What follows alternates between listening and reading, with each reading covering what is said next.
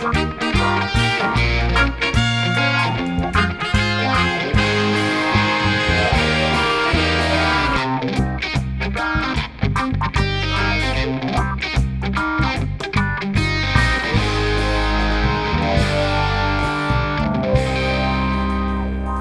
säger vi hej och välkomna till Agilpodden. Eh, idag ska vi prata prioriteringar och vi har också en gäst med oss som vi snart ska introducera. Men innan det så ska vi tacka de som gör den här podden möjlig. Exakt, det vill säga CRISP. Så uh, gå in på crisp.se så kommer ni hitta ett fantastiskt kursutbud och även möjlighet att få hjälp av konsulter och liknande med agila transformationer och liknande. Uh, och bli lite bättre helt enkelt. Tack CRISP! Ja, precis. Välkommen eh, Johanna till Agilpodden. Tack så mycket. Vem är du? Jag heter Johanna Back Valentin och jag jobbar som agil coach. Jag har jobbat en hel del med olika agila transformationer. Scrum Master, PO, agil coach. Och är just nu på Scania på ett uppdrag där. Och sen så har jag precis skrivit en bok om prioriteringar tillsammans med några konsultkollegor. Och det är därför du är här. Eh, exakt. För det är det vi ska prata om idag. Exakt. Jag måste väl nästan smygpitcha. För det som gjorde oss, som man direkt tänkte på apropå med boken då, det var att den skrevs i någon form av version på en vecka. Eh, och vi kommer tillbaka till det. Eh, men det var det som, och då insåg vi att det där vill vi prata om. Och dessutom är prioriteringen ett bra ämne som vi inte har berört, tror jag någonsin. Nej, alltså det har ju kanske berörts i andra saker, men inte som ett speciellt ämne nu. Nej, spännande. Mm. Eh, men ska vi börja med prioriteringar och då borde vi kanske börja med vad är prioriteringar enligt dig då, det, din åsikt i lagar? Ja, absolut. Och jag tänker att jag kan inte någon formell eller tydligt definierad definition. Men jag tänker att eh, prioriteringar handlar om konsten att säga nej. Mm. Eh, så att man skapar så mycket utrymme som möjligt för de saker man faktiskt säger ja till. Så att man har tid att göra dem på ett bra sätt. Vad kul. Så att bli bättre på att säga nej, eh, helt enkelt. Jag gillar den definitionen därför att jag själv tyckte, alltså så här 20-30 år tillbaka i tiden tyckte jag att prioritering, att det var ett konstigt ord, att det alltid blev dåligt. Och så var det någon som sa att att prioritera är att välja bort. Mm. Uh, och den definitionen kände jag direkt i magen, att det där är ju smart. Liksom. och nu säger du att det är att säga nej, det är ju verkligen ungefär samma sak. Precis. Det är inte det man tänker på tror jag, jag ska bara flika in det. Nej. Eh, För jag tror att många gör så att när man, om man tänker prioriteringar, då tänker man på okej, hur kan vi, det innebär att stacka saker på varandra i en prioritet. Precis. Alltså, så- Alla saker vi har sagt ja till. Exakt. Här är de på en lista. Ja, precis. Och eh, jag tror det, om man bara skulle fråga en vanlig människa om, om att prioritera en backlog till exempel, då är det ganska få som jag tror skulle tänka att ta bort saker som en prioritetsövning, utan då är det bara att sätta dem i ordning som är själva aktiviteten. Men här säger vi också att det inkluderar att eh, också ta bort då, att säga nej. Precis. Och jag tänker också att när, som du säger, att den här prioriterade backloggen, koppla den, inte bara att allt det här vill vi göra, utan koppla det till kapaciteten också. Har vi utrymme att göra det här? Kom, finns det ens möjlighet att eh, hantera den här backloggen inom en rimlig tid? Ska, ja. ska, ska vi ta lite mer på det då, det här 1, 2, 3 grejer? Jag, när vi satt och förberedde det här kom jag att tänka på en massa saker som jag inte tycker är att prioritera. Och Erik sa just en, eh, nämligen en, att göra långa listor. Mm. Och de tycker, jag tycker man har sett dem i två stilar. Och den ena är ju då från högsta till lägsta i en oändligt lång lista. Sen ska man beta av det som en tallrikshög då. Eh, Den andra är ju istället att man jobbar med prio 1, 2 och 3 till exempel. Mm. Ja, har ni känner igen det här? Mm. Vet ni vart Vet du vad jag, vet, vet vad jag har sett då, just med prio 1, 2, 3 som Ja, är körligt? Det är att till slut så blir liksom prio 1 inte tillräckligt viktigt. Nej. Så då gör man en prio 0 också. Yes. Ja, som trumfar prio 1. Ja. Jag får bara också, kontrollfrågan här är då, hur, vad tycker ni att det brukar vara, hur, hur många brukar ettor brukar det vara versus eh, hur många tvåor och treor? Oh, det blir ju lite inflation i prioriteringar, absolut.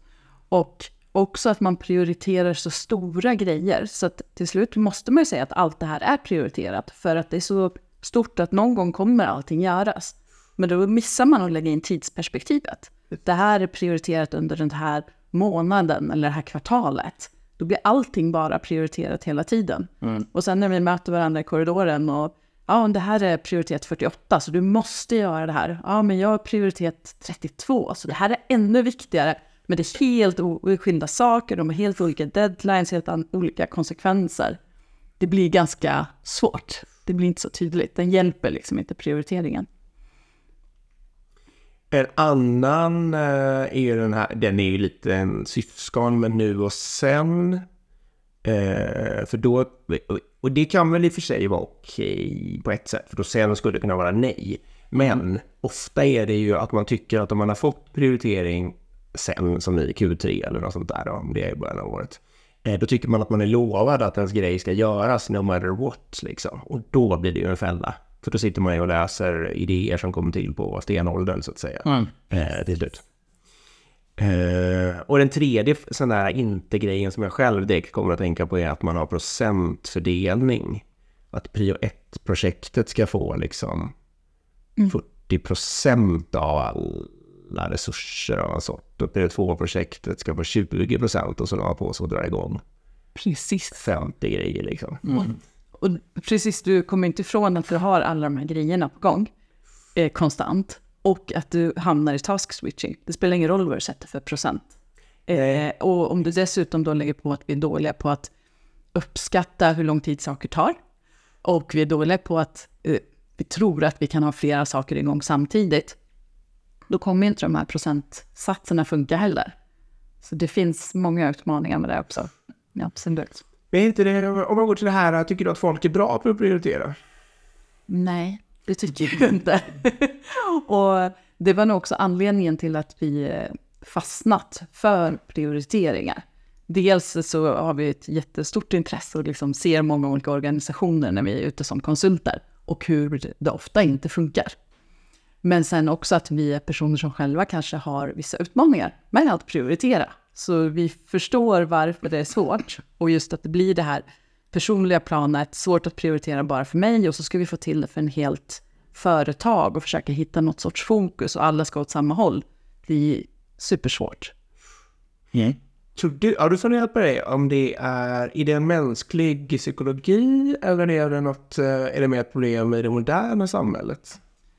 Eh, jag tror, jag kan inte referensen till det, men att ju mer stressade vi är, desto svårare har vi att säga nej till saker. Och det hänger lite då ihop med att vi hela tiden tar in för mycket och då hamnar vi i den här, allt har vi sagt ja till, så nu måste vi rangordna dem i den här listan. Utav allt som vi har sagt ja till, som vi inte heller då kan backa på. För någon förväntar sig det, som du säger, Q3 så har vi sagt att vi ska göra det här. Så där tror jag att grundproblemet finns att eh, prioriteringen kommer lite för sent många gånger. Alltså om man ser den här definitionen av prioriteringen med att inte säga nej. För det som du säger, då, det blir så här, vi har redan tackat ja till för mycket saker. Och då kommer man till frågan säga, shit, vi måste prioritera alla de här sakerna vi har tackat ja till. Men jag tror problemet är ju att man har sagt ja till alla saker. Då har man typ inte sin riktiga prioritering först, så att säga. För det kan man ju se i alla fall, det är vår, har vårt, varit vår spaning länge. Att organisationer gör ju alldeles för mycket saker parallellt. Och då blir bara allt lite halvdåligt. Eh, och ingenting levereras till fullo liksom. Och det är därför vi, vi gillar Dip Limit väldigt mycket. Vi kommer komma in på det också. Men att man begränsar sig själv till att göra eh, mindre saker. Men en fråga till dig, är du bra själv på att prioritera? Nej. Jag kämpar väldigt mycket med det. Eh, och det är också en grej som verkligen så här, fick mig att eh, inse hur extremt dålig jag var på att prioritera. För jag tyckte att jag är bra på det. Men när jag själv skulle göra något så här livshjul, lägga ut eh, hur mycket tid jag ska lägga på alla saker jag vill ha igång. Vi pratade om så här, hur många poddar kan man egentligen ha igång, hur många fritidsintressen och, och som allting. Och så var jag så nöjd för att ja, men det är precis så här jag vill leva mitt liv. Ja. Och jag hade missat sömnen på åtta timmar. Så jag hade liksom maxat upp, det här är mitt perfekta liv. Och det här var några år sedan. Så den har liksom följt med mig. Och därmed, jag vet att jag är dålig på att prioritera. Och därför blir det ännu viktigare. Vad, av, vad i prioriteringen är du dålig på? Är du dålig på att säga nej? Ja. Är det det som är själva... Jag tycker att väldigt mycket saker är väldigt roligt. Och då blir det så, ja men det är ju kul. Och jag vill vara med, jag vill vara involverad i allting. Och allting är ju bra. Men just den här, och det är därför jag tror att det är så viktigt att komma till att, att säga nej, eh, även om det är roligt eller även om man i- som ett företag ser att det kan ge stora intäkter eller någonting. Säga nej till de sakerna så att vi får ännu mer liksom, fokus och kraft i det vi har valt att säga ja till. Mm. Jag kan ta en sekund bara på det, för jag tror, um, apropå det här med psykologi, att människor, och nu blir det sån här savannpsykologi men människor har ju en, en benägenhet, liksom, de vill ju vara kvar i flocken. Eh, och då har människor en benägenhet att, eh, vad ska man säga, reflexmässigt göra saker som gör att man är välkommen och får vara, vara där helt enkelt.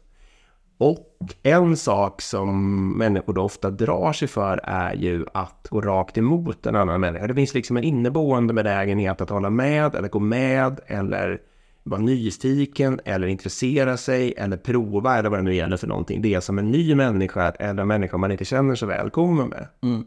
Och det tror jag är problemet i stora organisationer. Det finns många människor som inte känner varandra så väl och så kommer någon med sitt projektet eh, A som är jätteviktigt. Eh, då vill man helst inte säga det kommer inte gå, jag tänker aldrig börja på det. Nej. Utan då känns det helt plötsligt mycket, mycket bättre att säga att eh, vi ska se vad vi kan göra. Det blir prio tre.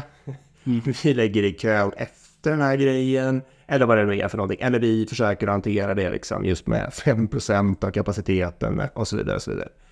Eh, och där någonstans tror jag att man kan hitta kanske förklaringen till att i alla fall organisationer har så fruktansvärt svårt att prioritera. För att det är psykologiskt obehagligt att säga nej till lite halvt eh, främmande människor. Mm. Precis. Och sen tänker jag också då att om man är i en organisation eller ett företag som inte har en tydlig prioritering, det är, inte det är inte helt klart, det är exakt åt det här hållet vi ska, då har inte jag någonting att luta mig på eller när jag ska säga nej.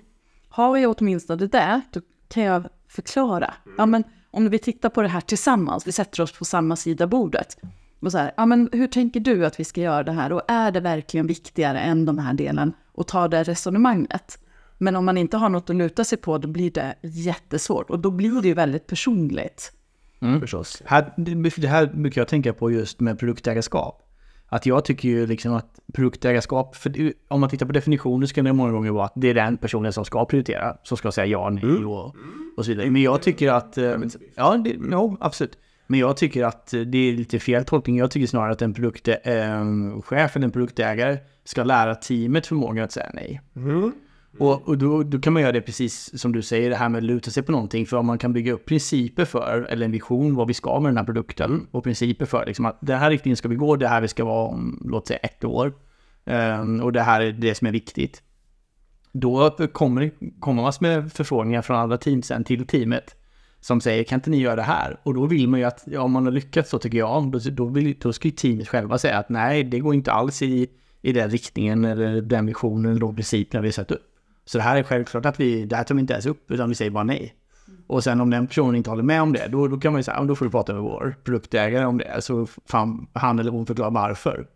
Eh, ni förstår skillnaden där.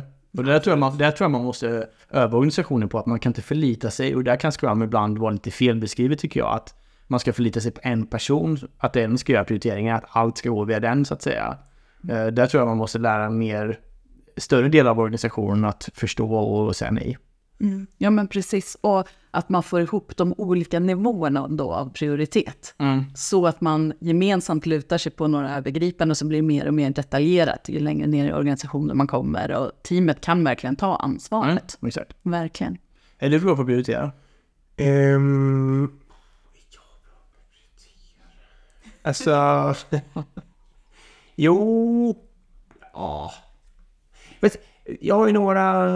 Jag kanske har några styrkor och några svagheter. då. Nu har vi inte alls börjat säga hur man ska göra, men vi, vi, okej, vi tar det baklänges. Det är skitbra. Det är okej. Nej, för att en, några av mina styrkor då är ju, eh, skulle jag vilja påstå, min totala respektlöshet mot de här, mot konventioner och sådana där saker. Och det kan ju vara en enorm tillgång när man ska prioritera.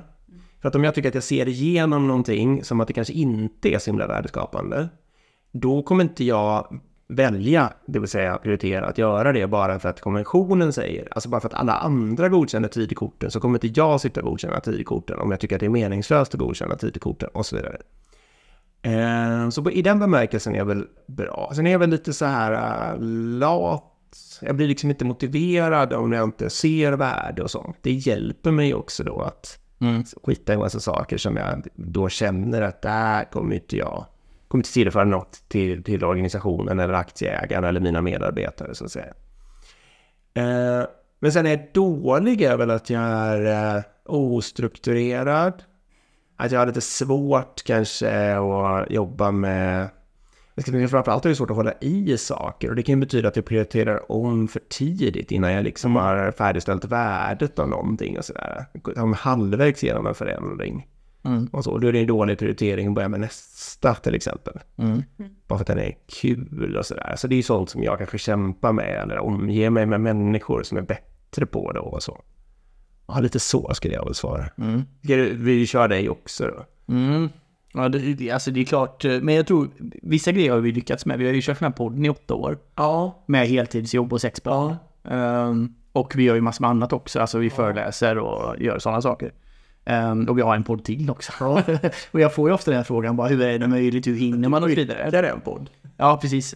Men ehm, jag tycker att det där är ni duktiga. För det vi, ju- vi valde ju ganska tidigt då att okej, vi vill inte att det här ska gå ut över våra jobb. Så vi vill inte göra det på arbetstid liksom. För det här är ju något vi gör privat. Vi vill inte att det ska gå ut över våra familjer. Nej. Alltså barnen. För det- vi hade ju kunnat vara borta tre kvällar i veckan till dess. Men det vill vi inte heller. Så vi har ju spelat in den här podden konsekvent 22.00 i princip innan vi hade, alltså när du hade yngre barn. Ehm, och vi har ju verkligen, och så kör man då 22 till 00. Och då har det ju funkat det. Liksom, man orkar ändå jobba dagen efter, man kanske är lite tröttare men det går ändå sådär. Eh, så det har vi ju varit duktiga på. Och vi har skrivit en bok och alltså vi har fått in allt det där. Eh, så på så sätt så ser jag, jag anser, jag tror jag är lite som du är också, att jag, eh, det är ganska mycket som ska krävas för att jag mm, tvångsmässigt ska göra någonting. Mm. Alltså jag, jag har lätt att säga nej till lite halvdumma saker. Uh, och det gör, skapar ju massor med tid för mig då på så sätt. Um, men absolut, jag har samma problem som du har också, att jag är ostrukturerad och, och avslutar för snabbt och sånt där. Så det är, ja, nej, det är svårt. Men jag tror, jag tror ju att generellt att, att ehm, eh, um, det är ett problem också i organisationen just att om ledarskapet kommer och säger nu ska vi göra det här och det här och det här, då är det ganska få som säger nej. För det är liksom lite inbyggt att man vill vara till lags, eller hur? Att man vill göra sin chef nöjd eller sin produktchef nöjd eller vad det är. Ehm, och det tror jag är väldigt viktigt att, eh, att man i organisationen ser till att belöna beteendet när folk säger nej. Verkligen, det tror jag ligger någonting eh, verkligen i det. Eh, för det var i ett tillfälle så hade vi en jätte, jätte tight deadline. Det bara var fullt fokus på att leverera. Och så precis som du säger så kommer chefen och säger så här, vi skulle behöva den här rapporten. Mm. Ut, liksom rundade hela liksom, systemet, teamet bara, oj, nu måste vi göra det här. Så de la ju ner allt. Mm. Och det tog typ ett dygn innan vi fick veta att det här hände ens en gång. Men det var ju bara så här, vi vill vara till lags, vi vill finnas där. Så det är nog ett jättefarligt Mm. eh, farligt sätt att prioritera helt enkelt, att bara göra allt som kommer ovanifrån. Får bara också, apropå, vi tar en psykologigrej till bara. Eh, bara så om ni vill, alltså ni lyssnar och, och ni två också för det, men om ni vill tänka på en grej. Typexempel är ju telefon eller dörrförsäljare. Mm. Eh, att det överhuvudtaget funkar, det beror på den där mänskliga viljan att vara till lags. Ja. För om någon lyckas ta sig in i ens liv och komma med något litet förslag, särskilt om förslaget är någon slags stegraket där det första delen egentligen inte består av att man måste betala något. Mm. Då har man reflexmässigt jättestark känsla för att eh, det rim- mänskligt rimligaste vore att säga ja nu. Liksom. Ja, vi bokar in det där mötet. Mm. Eh, men om man tittar på ett strukturellt perspektiv och prioriterar, okej, jag är chef för en massa människor, det ringer en eh, konsultsäljare eh, och vill käka lunch. Vad är egentligen viktigt liksom? Är det att jag tar hand om mina medarbetare eller är det att, ja, då är det ju helt uppenbart liksom. Men där och då, i ögonblicket, är det så himla lätt att dras med i det där. Mm. Ja, det var passus. Mm. Det är bra. Nu får vi glida över på hur ska man göra och tänka? Nu, vi sitter bara och säger hur man inte ska Ja, ja men, och det är så roligt för man fastnar verkligen i det. Alla ser problemet och alla har varit med om det och varit i de här organisationerna. Ehm, och jag tror inte det finns en lösning, för då, då skulle folk redan ha löst det här. Men jag tror mycket handlar om att vi måste börja visualisera. Så att vi ser vad är det vi har på bordet? Vad är det vi liksom behöver prioritera mellan? Hur mycket saker har vi på gång? För då först blir det lättare för alla att se samma bild. Om vi tänker större företag, oj vi har alla, vad nämnde ni här tidigare, hundra olika projekt eller vad det var. Oj, nu finns de faktiskt här. Och så börjar vi liksom gräva i det här, vilka är viktiga, när behöver vi leverera? Mm. Det är lättare att ta den eh, diskussionen. Och det första man kan göra när man faktiskt har satt allt som är en gång, det är att bara sluta lägga till saker. För att det är ju också någonting, vi, är, eh, vi har för mycket att göra redan, men vi fortsätter lägga in dit. Mm. Och bara stoppa det, då har man i alla fall skapat någon sorts möjlighet att få kontroll. Men tyck, mm, precis. För då tycker ju jag då genast någonting. Eller vad skulle nackdelen vara det med det förresten? Att inte släppa in något. Nu förstod jag inte. Nej, jag tänker så här. Tänk om man kommer på den bästa idén sist, så att säga. ja, precis. Då... och det, ja, men det är ju i någon slags statistisk bemärkelse är det ju så för att idéer, mänsklighetens idéer blir ju förhoppningsvis bättre och bättre hela tiden. Absolut, men jag tänker snarare att man sätter stopp för att nu ska vi få kontroll. Ja. Inte vi sätter stopp och gör klart allting, utan sätta stopp, visualisera, det är det här vi står och väger Mm. med. Och sen då när vi har koll på vad som faktiskt är igång, då kan vi börja jämföra de här sakerna. Ja, men skapar det här verkligen så mycket värde kontra det här som vi skulle vilja ha? Mm. Som är ganska litet, som kommer eh, gå ut, eller vi kommer få ut det fort, det kommer skapa mycket värde. Då kan vi jämföra de här mot varandra också. För det jag tror du skulle komma till nu att du, eller vad tänker du på att säga näst? förresten? Eh, Nej, jag tänkte du- du, du- var på väg mot VIP-limit nu. ja, ja, men precis. Ja, absolut. Är det en bra idé? Det är en jättebra idé. Eh, för att jag tänker att när vi har... Det jag vill komma till är att vi behöver att alla har samma syn på prioritet. Och förhoppningsvis kan det skapa en medvetenhet om att det här är inte hållbart. Och då kan vi börja begränsa hur mycket vi har igång. Vi stoppar hur mycket som kommer in, men vi kan också pausa saker. Så att vi kan fokusera på vad är viktigast. Mm.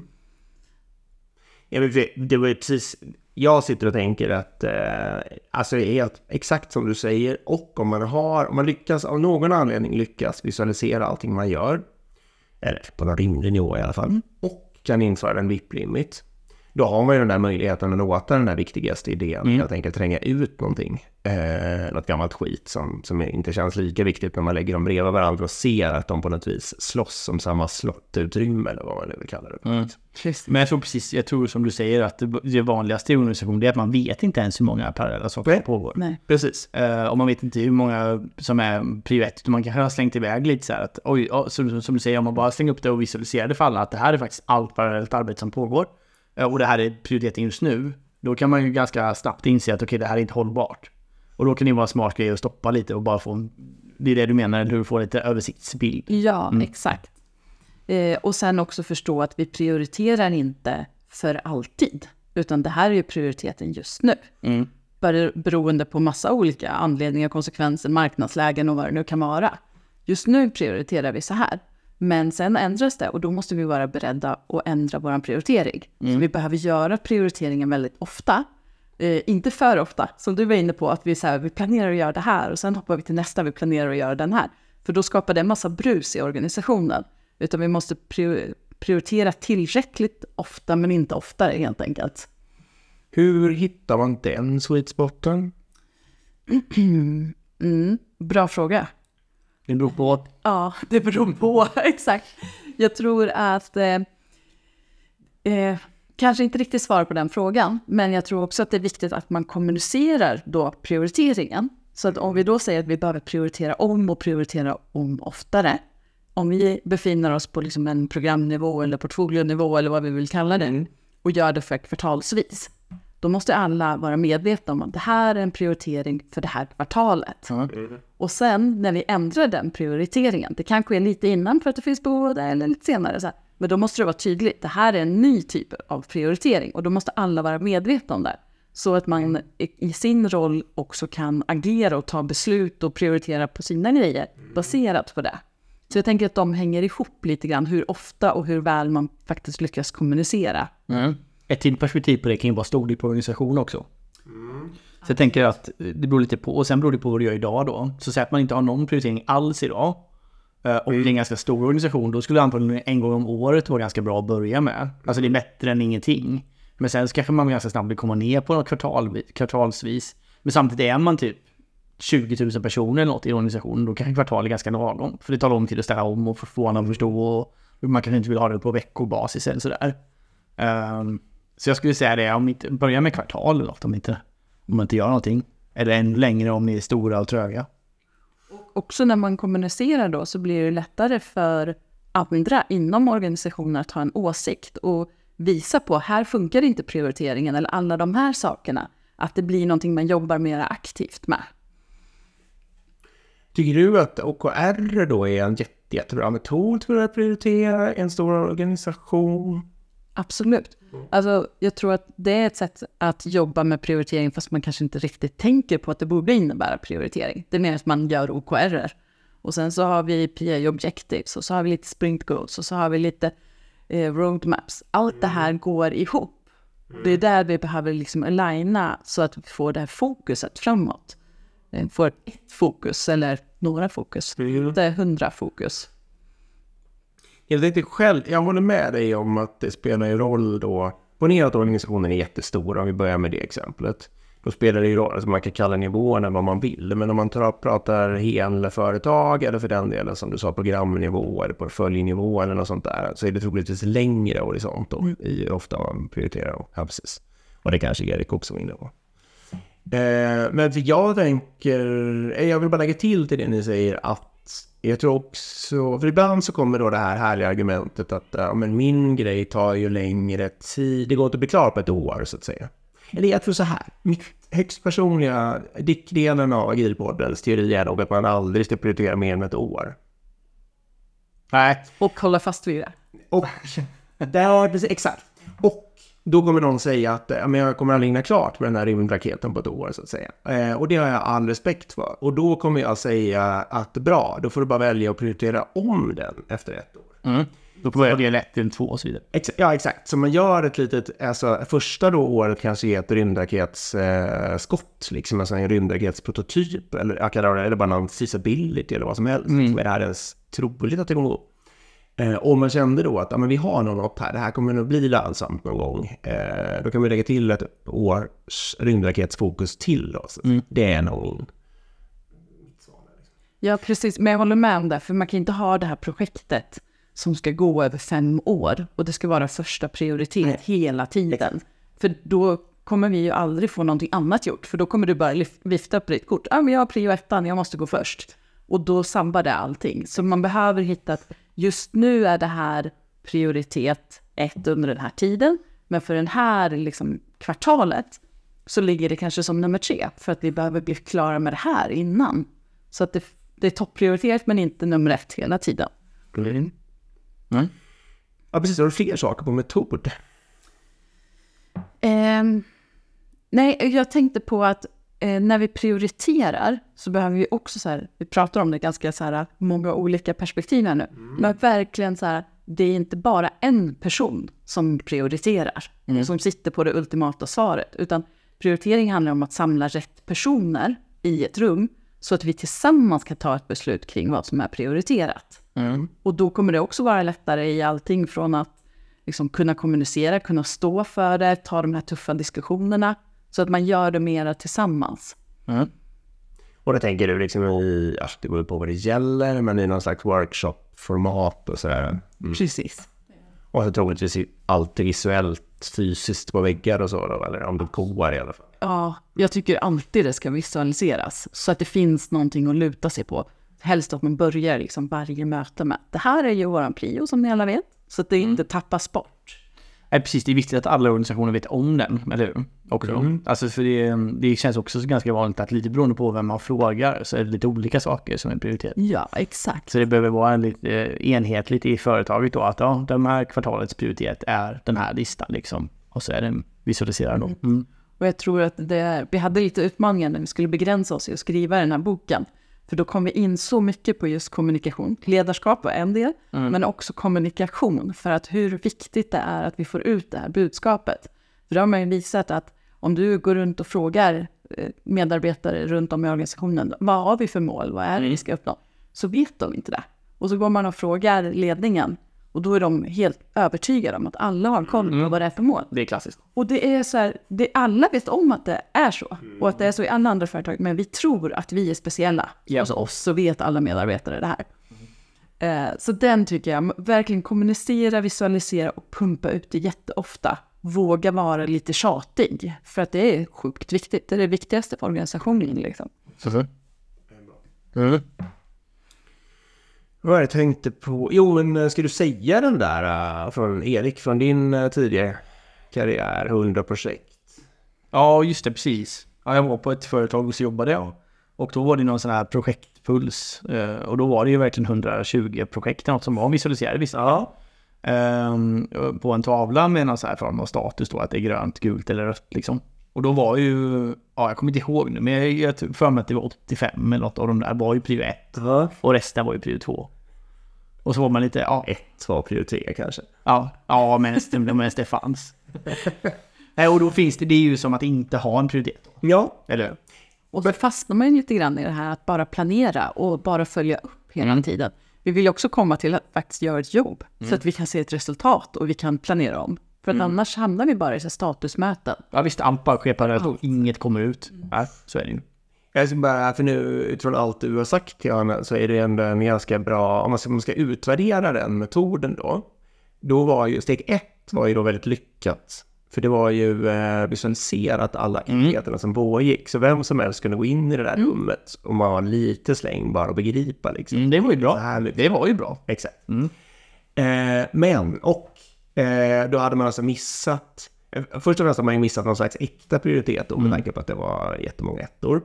Eh, och så hade man inte infört någon BIP-limit. Jag tror inte man hade stängt kranen för att skapa arbetsro som du sa, utan jag tror att hade, man, hade någon kommit med någon sån här guldpil som det brukade heta, hade vi fått in den liksom, som ytterligare en grej och så vidare. Men egentligen var det en bra grund. Det var faktiskt därför jag var där och skulle dra hela det exemplet. Men hade, hade man varit modig där sen, Ja. ehm, så hade det ju gått. Och en jättebra regel är att man får bara, alltså, det måste, alla måste vara prioriterade mot varandra. Då får man ju riktig prioritet. Alltså man kan inte ha fyra prio ettor, utan då får de ha prio 1, 2, 3, 4. Precis. Ner till 100, liksom om man nu måste ha 100 parallella saker. Och jag tänker bara på vad blev konsekvensen av att ha alla de här projekten eller vad man ska säga igång samtidigt? Ja, inte Ja. det vi gjort ju. Nej. Nej. Och då också att för konsekvenser blir också någonting som vi, det är lite jobbigt att säga nej här och nu. Så därför låter vi det fortgå. Men egentligen blir ju konsekvensen värre ju längre vi låter det gå. Eh, men bara för att skjuta på problemen lite grann så låter vi det. Men då kommer vi tillbaka till det här mänskliga som du sa innan. Att det är mycket skönare än någon att säga att ja men vi kan nog, vi har ju egentligen inte tid. Men det är klart, vi kan ju puttra på lite med det. Ja. Liksom så. Ja, precis. Just så här, vi gör lite. Ja, vi, vi Det låter bra. Vi börjar lite och så får vi se. Och då tycker den som kommer med idén också, ja det är skönt, då är det, då är det på gång. Då kan jag släppa det lite.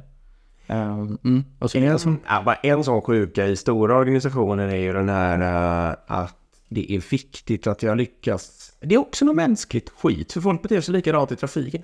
Men så här att eh, det är viktigt att börja. Mm. För det är ju det som förstör det här uh, VIP-limit. eh, För många människor kan i teorin förstå VIP-limit. Men om just deras grej, om, just, om inte de inte ens får börja köra upp på motorvägen så att säga, då får de panik liksom. Jag rör mig inte framåt, det här kommer, jag kommer aldrig komma fram, blir den primala känslan inuti människan liksom. Men i själva verket är det mycket bättre att man släpper upp lite lagom med bilar på motorvägen och de swishar fram till sina destinationer och sen blir det min tur någon gång och då kommer det gå, resan gå fort och bra. Men det har en människa, alltså det kräver mycket abstraktionsförmåga att liksom agera på det verkligen och följa det trots att många människor vet om det i teorin. Mm. Nej men verkligen att göra det. Den fällan går jag ofta i själv också. Att om inte mina saker blir prioriterade då, då tweakar man ju om skopet till okej men vad kan vi skona in då? Ja. Ja. Och- Ja men så är det ju. Eh, jag gjorde det senast idag. Nu blir det erkännande. Ja, ja absolut. Ja men då skonar man in på något sätt. Så bara men okej men vad är nästa möjliga vi kan göra då? Jag ska säga också apropå det du sa Erik, att när jag lär ut agila grunder ibland, då brukar jag alltid säga det som exempel på äkta prioritet. Jag säger inte att man måste, om man har en backlog så brukar jag inte säga att man måste prioritera hela vägen ner till sista i och för sig. Men jag brukar säga att de, liksom, de items som man funderar på om man ska in i sprinten, de behöver, där måste en vara viktigast. De vet det, jag ska ta den här i nästa sprint liksom. Och en måste vara två, en måste vara tre, liksom ner till tio stycken eller något sånt där. Annars har man inte lyckats prioritera och annars kommer man inte kunna jobba i ett scrum då till exempel, eller vad man nu vill använda för något liksom. Jo, det var det. Jag måste fråga en sak till förresten. Det här kanske är en komplicerad fråga. Men, ja, men så här. Eh, tycker du att man... Har du funderat över om man kan organisera sig ur eh, prioritering? Att organisera sig ur prioritering, den var komplicerad. Ja, Eh, jag, tänk, jag tänker på systemet Jaha. i stort. Liksom. För jag tänker på att eh, den där, i det fallet som Erik pratade om, då var ju det en koordinerande organisation nämligen. Där många människor från olika delar av organisationen jobbade huller om buller på samma leverans, får man väl ändå säga. Liksom. Ja. Och det tycker jag då är ett exempel på när man eh, snarare tvärtom då har eh, organiserat sig för att få ett prioriteringsproblem snarare än att få gå ifrån det.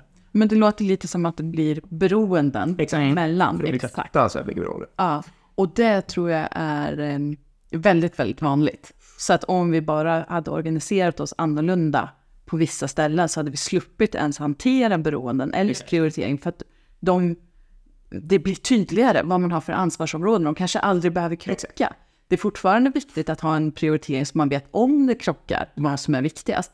Men att försöka bryta de beroendena så tidigt som möjligt. Då blir svaret ja, helt enkelt. Ja, och precis. Det var, det var ungefär det jag satt och tänkte på. Eh, och att där, bara till alla lyssnare och alla som tänker på det här, att det är ju dumt om man har en sån organisation som liksom blir, eh, vad ska man kalla det för, koordineringstung, så är det troligtvis bättre att försöka lösa det först än att bara försöka lösa det genom att bli bättre på att prioritera. Eller så börjar man försöka prioritera tillsammans och så visar det sig att så här, oj, det här funkade ju inte. Varför gjorde det inte det? Då är det rätt också, för att det kan ju vara så att man, att ändra organisation kan vara så fruktansvärt mycket svårare och vara politiskt liksom, eller ja, precis. Så man ändå tjänar på att lära sig att prioritera. Eh, prioritera mellan eh, privatliv och eh, yrkesliv då? Ja, det är, Är, är det bra? Ja, det är bra. Men här, här tycker jag också det finns en sjuka. I alla fall enligt min erfarenhet. Och det är ju att många liksom prioriterar jobbet alldeles för högt. Liksom. Och det är många gånger den här duktighetsgrejen också. Alltså man ska jobba 40 timmar. Det är ju, tycker jag, det dummaste någonsin vi hittat på i mänskligheten. Att man ska jobba just 40 timmar. I alla fall på kunskapsarbete. För med det handlar ju om vad du kan, vad du kan prestera och få ut. Jättebra exempel för mig var, jag var ju ledig förra veckan till exempel. Jag jobbade en och en halv dag. Och det var ju för att nu hade vi en deadline och det behövdes. Och då kan man ju liksom skeppa in den energin, för det behövs. Men då kan jag ju också vara ledig idag till exempel. Alltså och utan att behöva kolla det liksom så att säga. Ja. Och, och det här tror jag många går i fällan att nej, man, man känner sig för mycket plikttrogen till sina 40 timmar och till att leverera varje dag. Eller lite, lite värde varje dag. Så att man istället många gånger fastnar i att man prioriterar jobbet över sin hälsa. Och då kan man prioritera bort att ta en löptur på lunchen eller gå en promenad eller sluta tidigt någon dag och sådär. För att du prioriterar istället att nej, jag måste skeppa in lite värde varje dag så det ser bra ut liksom. Eh, Så jag tror tyvärr alldeles för många människor prioriterar jobb över hälsa. Så att säga. Eh, och där, när man borde göra precis tvärtom. För jag tror att prioriterar man hälsa över jobb så kommer man eh, långsiktigt och kortsiktigt leverera mer på jobbet också. Precis, jag tror också det att man, om man eh, har rätt prioriteringar, eller vad man ska säga, det är svårt att säga vad som är rätt, men då blir det också, eh, du skapar inte det här bruset runt dig och omkring dig heller. För att om du jobbar 40 timmar eller 50 timmar i veckan bara för att det är så himla viktigt mitt jobb och du kommer dra igång så mycket grejer som kommer spilla över på andra och skapa liksom, kaos på deras bord också. Så jag tror att bara att ha en, en organisation och ett system som verkligen prioriterar människorna, det tror jag är jätte, jätteviktigt. Jag tänkte på det. Eh, jag satt själv och dissade procentsiffror där i början. Men jag inser ju det tycker efter att eh, det är ju, vad ska man säga, det är också en balansfråga och det betyder ju kanske på att det är smart med procentsiffror. Ett typexempel på det är förstås privatliv versus jobb. Att man mm. dina timmar och grejer.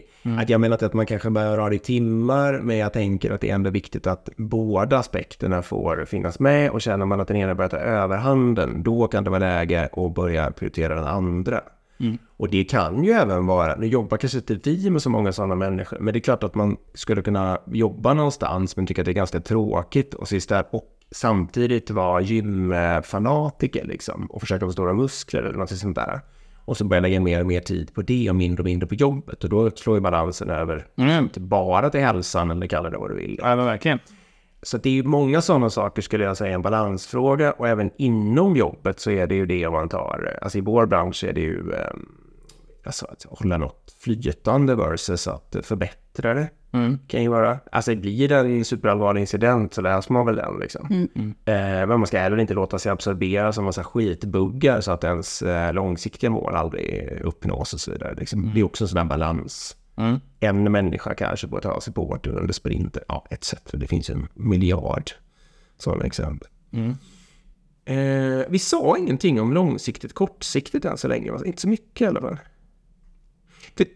Ja, vill du säga? Eh, nej men vi nämnde det där att vi behöver prioritera på olika tidsperspektiv. Ja. Och att vi också behöver få de här tidsperspektiven att hålla ihop. Så på en nivå så prioriterar vi på längre sikt. Och på en annan så prioriterar vi liksom månadsvis eller sprintvis eller vad det kan vara. Jag tänkte också på den här reflexen. Återigen, det här är väl psykologi då. Att om en människa eh, inte aktar sig så tenderar den ju att prioritera det kortsiktiga. Mm. Eh, alltså till exempel att man äter godis trots att man vet att det är gott i stunden, även om man vet att det liksom inte är eh, bra för en långsikt. Och det tror jag ofta, det är ju en fälla. Och du sa ju det förut också, att man är stressad. Så blir man ju, ja, dummare. Mer benägen att säga ja, för det är lättare. Det tar mindre energi. Mm. till exempel. Och det blir ett extremt kortsiktigt. För det är klart att just i det ögonblicket när frågan kommer och man säger ja och den där personen ler och går därifrån så var det ju en enkel lösning. Men det ökar bara på problemet liksom. Mm, exakt. Och då, så det jag tänker är att det är viktigt för en organisation eller när man bygger sitt system att man ska klara av att vad ska man säga, bevaka att det finns en, jag menar inte att man inte kan göra kortsiktiga saker, men återigen att det behöver vara en balans där man, inte, där man hela tiden ger akt på att man inte glömmer den långsiktiga, vad det nu är för någonting, riktningen, eh, målet, ettårsplanen eller ja, vad man Mm. liksom. Två konkreta metoder för att skapa den här eh, ytan som vi har gjort då. Det är ju att ett, säg nej till alla möten en vecka. Mm. Eh, Det, det kommer inte påverka företagets vinst på något sätt, jag lovar. Eh, Och det gör att du helt enkelt plötsligt får en hel vecka till att göra vad du vill med. Du kan ju ta den till att reflektera, vila, eh, skapa ordning i de grejerna du redan håller på med och så vidare. En annan grej vi har gjort också som har funkat bra är att vi har tagit vad vi kallar för typ innovationsdagar. Alltså att vi bokar ut en hel dag. Och så åker vi iväg någonstans, bara sätter oss åtta timmar utan att ha någon agenda. Mm. Eh, utan att ha ett enda möte inbokat. Mm. Och sen så ser vi vad det tar oss bara. Och det har ju varit väldigt kul. Eh, och, och ofta gett väldigt bra resultat jobbmässigt också. Det är så. Eh, det blir att man bara, men vänta, borde vi inte skapa en presentation om det där? Eller borde vi inte lösa det här problemet? Alltså, det är bara bubblar ju upp liksom. Och sen så helt plötsligt så har man tagit sig tid till att lösa massor med saker. Och de där grejerna gör man inte om du sitter fast i dina dagliga möten och sådär. Och jag tror att man också överskattar vikten av att gå på alla de här mötena. Och återigen, testa och säga nej i en vecka och se vad, och sen på fredag eftermiddag fundera på eh, vad, vad blir konsekvenserna av att jag säger nej till alla möten? Och antagligen är inte de så stora. Eh, och då kan man bli mycket, mycket bättre på att göra det också. Precis, och det, jag tänker det att det som är samma för de två metoderna, det är att du, du bestämmer att nu gör vi någonting annat. Ja. Om du istället skulle bara fortsätta och tänka att ah, men det blir bättre snart, Ja. snart kommer det lugna ner sig, då tar vi semester eller då bokar vi in den där kick-offen för teamet eller vad det kan vara. Men att bara säga att det kommer inte bli bättre, man måste göra någonting aktivt. Det är bra. Jag brukar tänka där, för jag håller fullständigt med dig och jag, min kontrollfråga när någon säger sådär att just nu hinner vi inte. Det brukar ju vara lite så här, vad är det som är troligt? Alltså är du, vad är det som är, lo, lovar du mig nu att det här kommer att vara bättre nästa kvartal eller Ja. liksom, sånt där? Och då om får, nej det vet jag inte liksom. Då säger jag ju direkt, men då måste jag göra det nu. Ja, men det är en jättebra kontrollfråga faktiskt. För om man tittar tillbaka så bara, men det var likadant då och då. Och, Exakt. ja, Men det är klart, det förekommer ju att någon har, de har den största produktionssättningen, det är en helt ny produkt liksom, och de har slitit i flera år och så vidare, och det är det, den helgen. Ja, men- ja, visst, då kan man ju skjuta på det liksom, men då, är det ju, då kommer det ju vara bättre nästa kvartal precis. och så vidare. Eh, konsekvenser förresten. Hade du någon take på det? Nej, men jag tror att eh, just konsekvenserna, att det är det som gör att det är svårt att ta. Att om vi säger nej till de här, den här superbra idén som kommer där, eh, då kommer det vara konsekvenser att vi inte, vi kanske får böter, vi kanske inte får in intäkter på det här, vi missar, vi missar en möjlighet. Det är en ganska jobbig konsekvens. Och att våga ta den, att vara stark, det är det som prioriteringen handlar om då. Att våga säga nej, trots att man ser konsekvensen väldigt tydligt. Ehm, och då till förmån för att vi tror ännu mer på det här, eller det här är vårt långsiktiga fokus. För annars, bra idéer, det kan man ju få hela tiden. Och då blir det det här hoppiga, om man bara planerar om och testar nytt, men man ser aldrig resultatet. egentligen. Just det. Men egentligen är det du menar, konsekvensknepet är egentligen att förstå att eh, det är så himla lätt att se konsekvenserna av nejet, för de är läskiga och tydliga. Men det här konsekvenserna av att säga ja till allt, det vill säga att ingenting blir gjort då, den är lite mer otydlig. Ja, det är långt fram Ja. liksom. Så, att, eh, så den slipper man liksom hantera just nu. Mm. Så det blir samma, man mår bättre just nu. Men konsekvensen är att vi kommer kanske stå där med flera projekt och försena, förseningar och deadlines, medarbetare som har blivit utbrända. Mm. Om vi hade sett den konsekvensen, då kanske det hade varit lättare. Men, men det är så jobbigt att säga nej i nu, så vi ignorerar att det kan hända. Coolt. Mm. Vi ska runda. Ja, ska vi ge en liten stund också till man gör en bok Ja. en vecka? Vi gör det som sista. Precis. Hur gör man en bok? Vad gjorde ni det? Berätta. Du har, ni är två böcker. Eller ordet på kanske. Berätta. Eh, ja, men det handlar ju verkligen om eh, eh, det vi sa, att ta tiden. Att boka in. Vi vill göra, vi vill skriva en bok. Okej, ja, när gör vi det? Och så bokade vi in en vecka. Bara så här, tog bort alla distra distraktioner och skapade utrymmet helt enkelt. Eh, så vi eh, bokade en stuga i Järvsö, mm. dit en vecka, avbokade i stort sett alla möten, men lyckades inte helt. Eh, lite att jobba på till nästa gång. Eh, vi såg till att vi hade all mat fixad, liksom bara minska allt, allt pågående. Eh, så vi skapade det här utrymmet helt enkelt. Så, så det var nog det, är nog det största och liksom, ja, viktigaste steget. Och då, för det är ju lite då kan man säga Hack Week-knep, typ. Fast, fast med ett väldigt uttalat mål i och för sig i det här fallet. Exakt. Så ni visste, vad hade ni gjort innan förresten?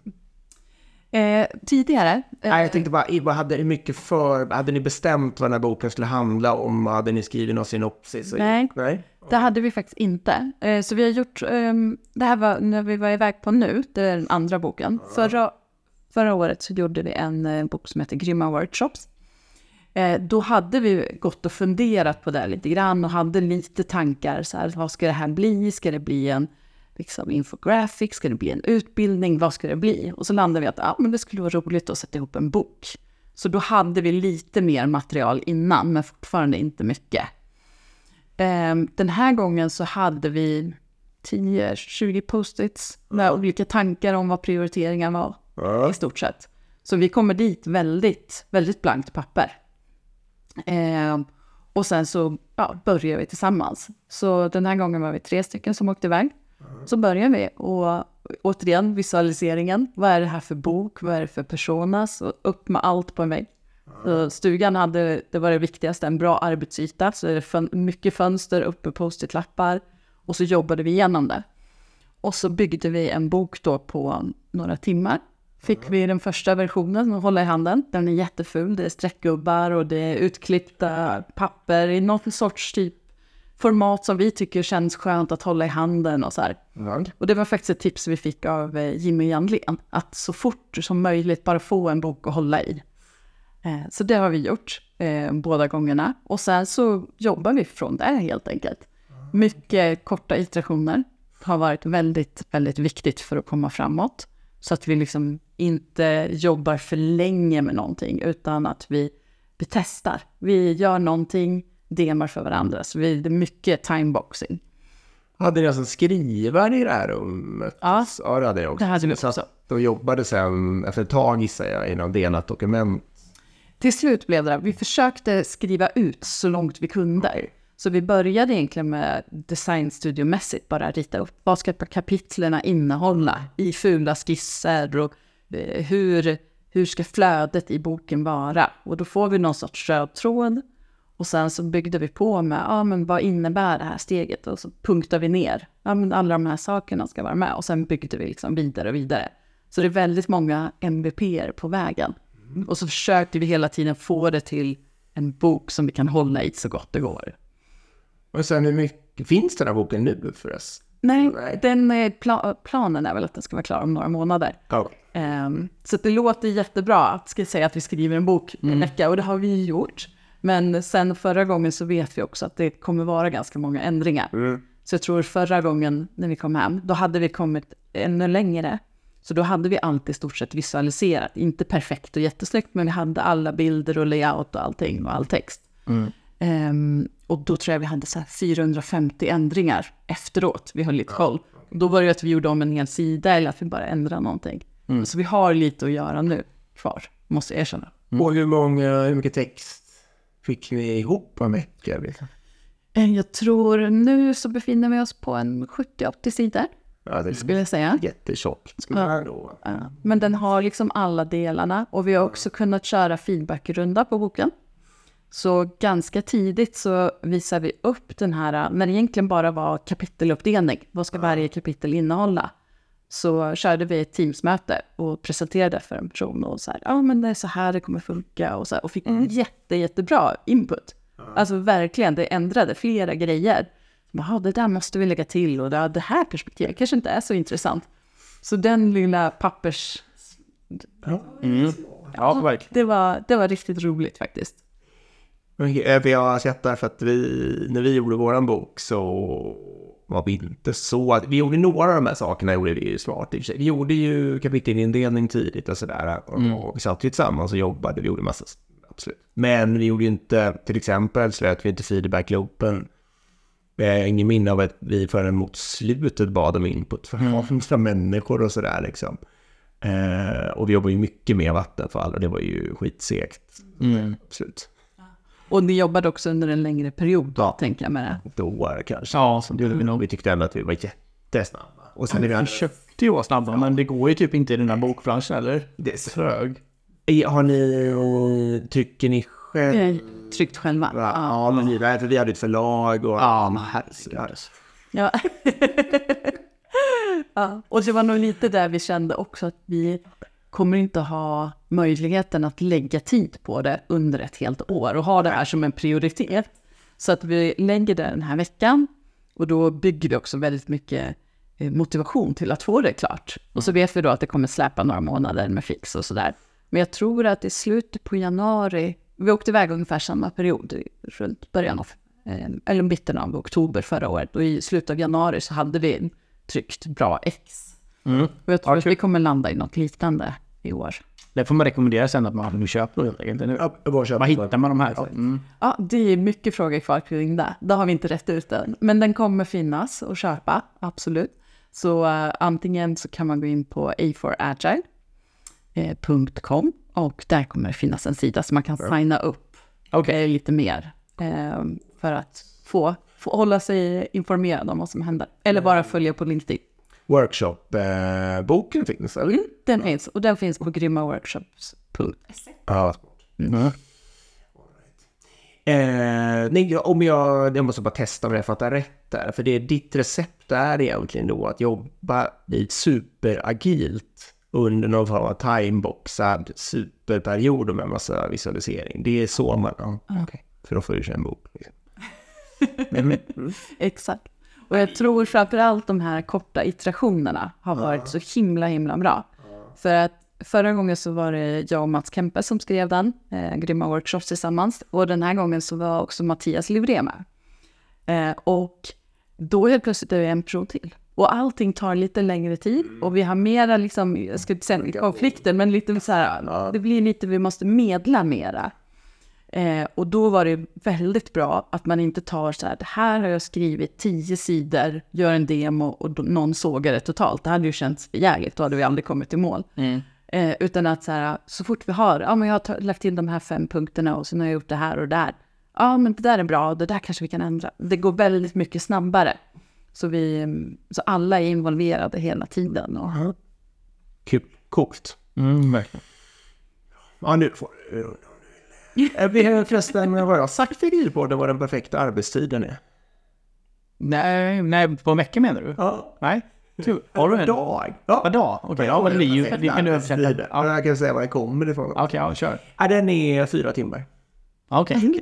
baserat på vad då? Ja, Det exakt. är jätteintressant. 20 timmar i veckan. Så jag kan ju bara lägga till då, vi eh, åkte iväg då när vi skapade det här utrymmet den här veckan. Ja. Då kör vi dygnet runt verkligen. Ja. Så det är inga liksom, Men det är lite- timmar. det är okej. Ja, Ja, det är helt Det gäller inte bootcamp, liksom, för det är ju mera bootcamp-style skulle jag säga, eller något sånt där. Och då eh, respekterar jag absolut att man kan slita hur mycket som helst. Det kan man nog faktiskt i flera veckor också. Sådär. Nej, eh, det här var något jag lärde mig av han som ägde hästen som jag var medryttare på för eh, 10-15 år sedan eller något sånt där. Han jobbade som daytrader. Eh, Och då mätte han ju sin framgång i eh, hur, eh, ja, hur mycket pengar han tjänade helt enkelt. Och då hade han börjat intressera sig för hur man lever sitt liv, så han provade helt enkelt olika arbetstider. Så han kollade hur pass eh, bra det gick eh, som funktion av hur mycket jag jobbade per dag. Och eh, det blev inte, det gick svagt neråt efter ungefär fyra timmar. Eh, Så att om man fortsatte då så blev man väl fördummad på något sätt, eh, helt enkelt. Sen, sen ska vi säga då att det är ju en person går ju inte att göra så. Men, men, jag håller, men, men jag håller rent statistiskt. Men jag håller med, jag håller med om att det är ungefär min också. Sen kan jag ha dumtid. Alltså om jag är i möten för mig är dumtid. Så då kan jag sitta och lyssna lite halvmysa liksom. Ni får ta det med en nypa salt. Men vad det jag försöker säga är att för minst en människa så kunde man hitta ett optimum för en ganska krävande, tankekrävande, svår kunskapsgrej tror jag ändå att man får säga att det är. Liksom. Eh, som passade honom och den var inte särskilt lång så att säga. Nej. Eh, Jan Klies pratar om att man kan vara kreativ i tre timmar och sådär. Liksom. Alltså, det är ju där någonstans tror jag som man hittar svaret på de allra svåraste grejerna. Jag håller med. Och där får du också så här, se ju tydligt värdet. Alltså, Mm. Ja, det blir väldigt konkret. Det är intressant. Ja, och det är långsiktigt också för med återigen som om ni åker iväg en vecka eller när vi har åkt till Oslo sist nu, då jobbade vi också 20 timmar på ett dygn liksom. Och det går jättebra för man bara boostar in massa energi. Men långsiktigt så tror jag absolut att det ligger någonstans där. Tusen tack för att du kom. Uh, vill du puffa för någonting mer? Var hittar man dig? Ja, man hittar dig på eh, LinkedIn. Följ mig på LinkedIn Ja. så kommer man absolut ha, bli uppdaterad om bokskriveriet och när den kommer ut. Mm. När den fått en titel också, för det har den ju inte fått än. Så att, det, det är ju första steget här. Eh, så följer jag på LinkedIn och sen så kan man då signa upp sig på a4agile.com. Håller man sig uppdaterad så får man det i brevlådan. Mailboxen. Ja, grymt. Mycket bra. Vill ni oss någonting så är vi agilpodden at gmail.com. Vi tar gärna emot frågor, feedback och allting. Eh, eller följ oss på Instagram under agilpodden. Exakt. Och tack till CRISP också då för att ni är med och gör podden möjlig. Och tack till alla som lyssnar. Hej då! Hej. Tack, hej!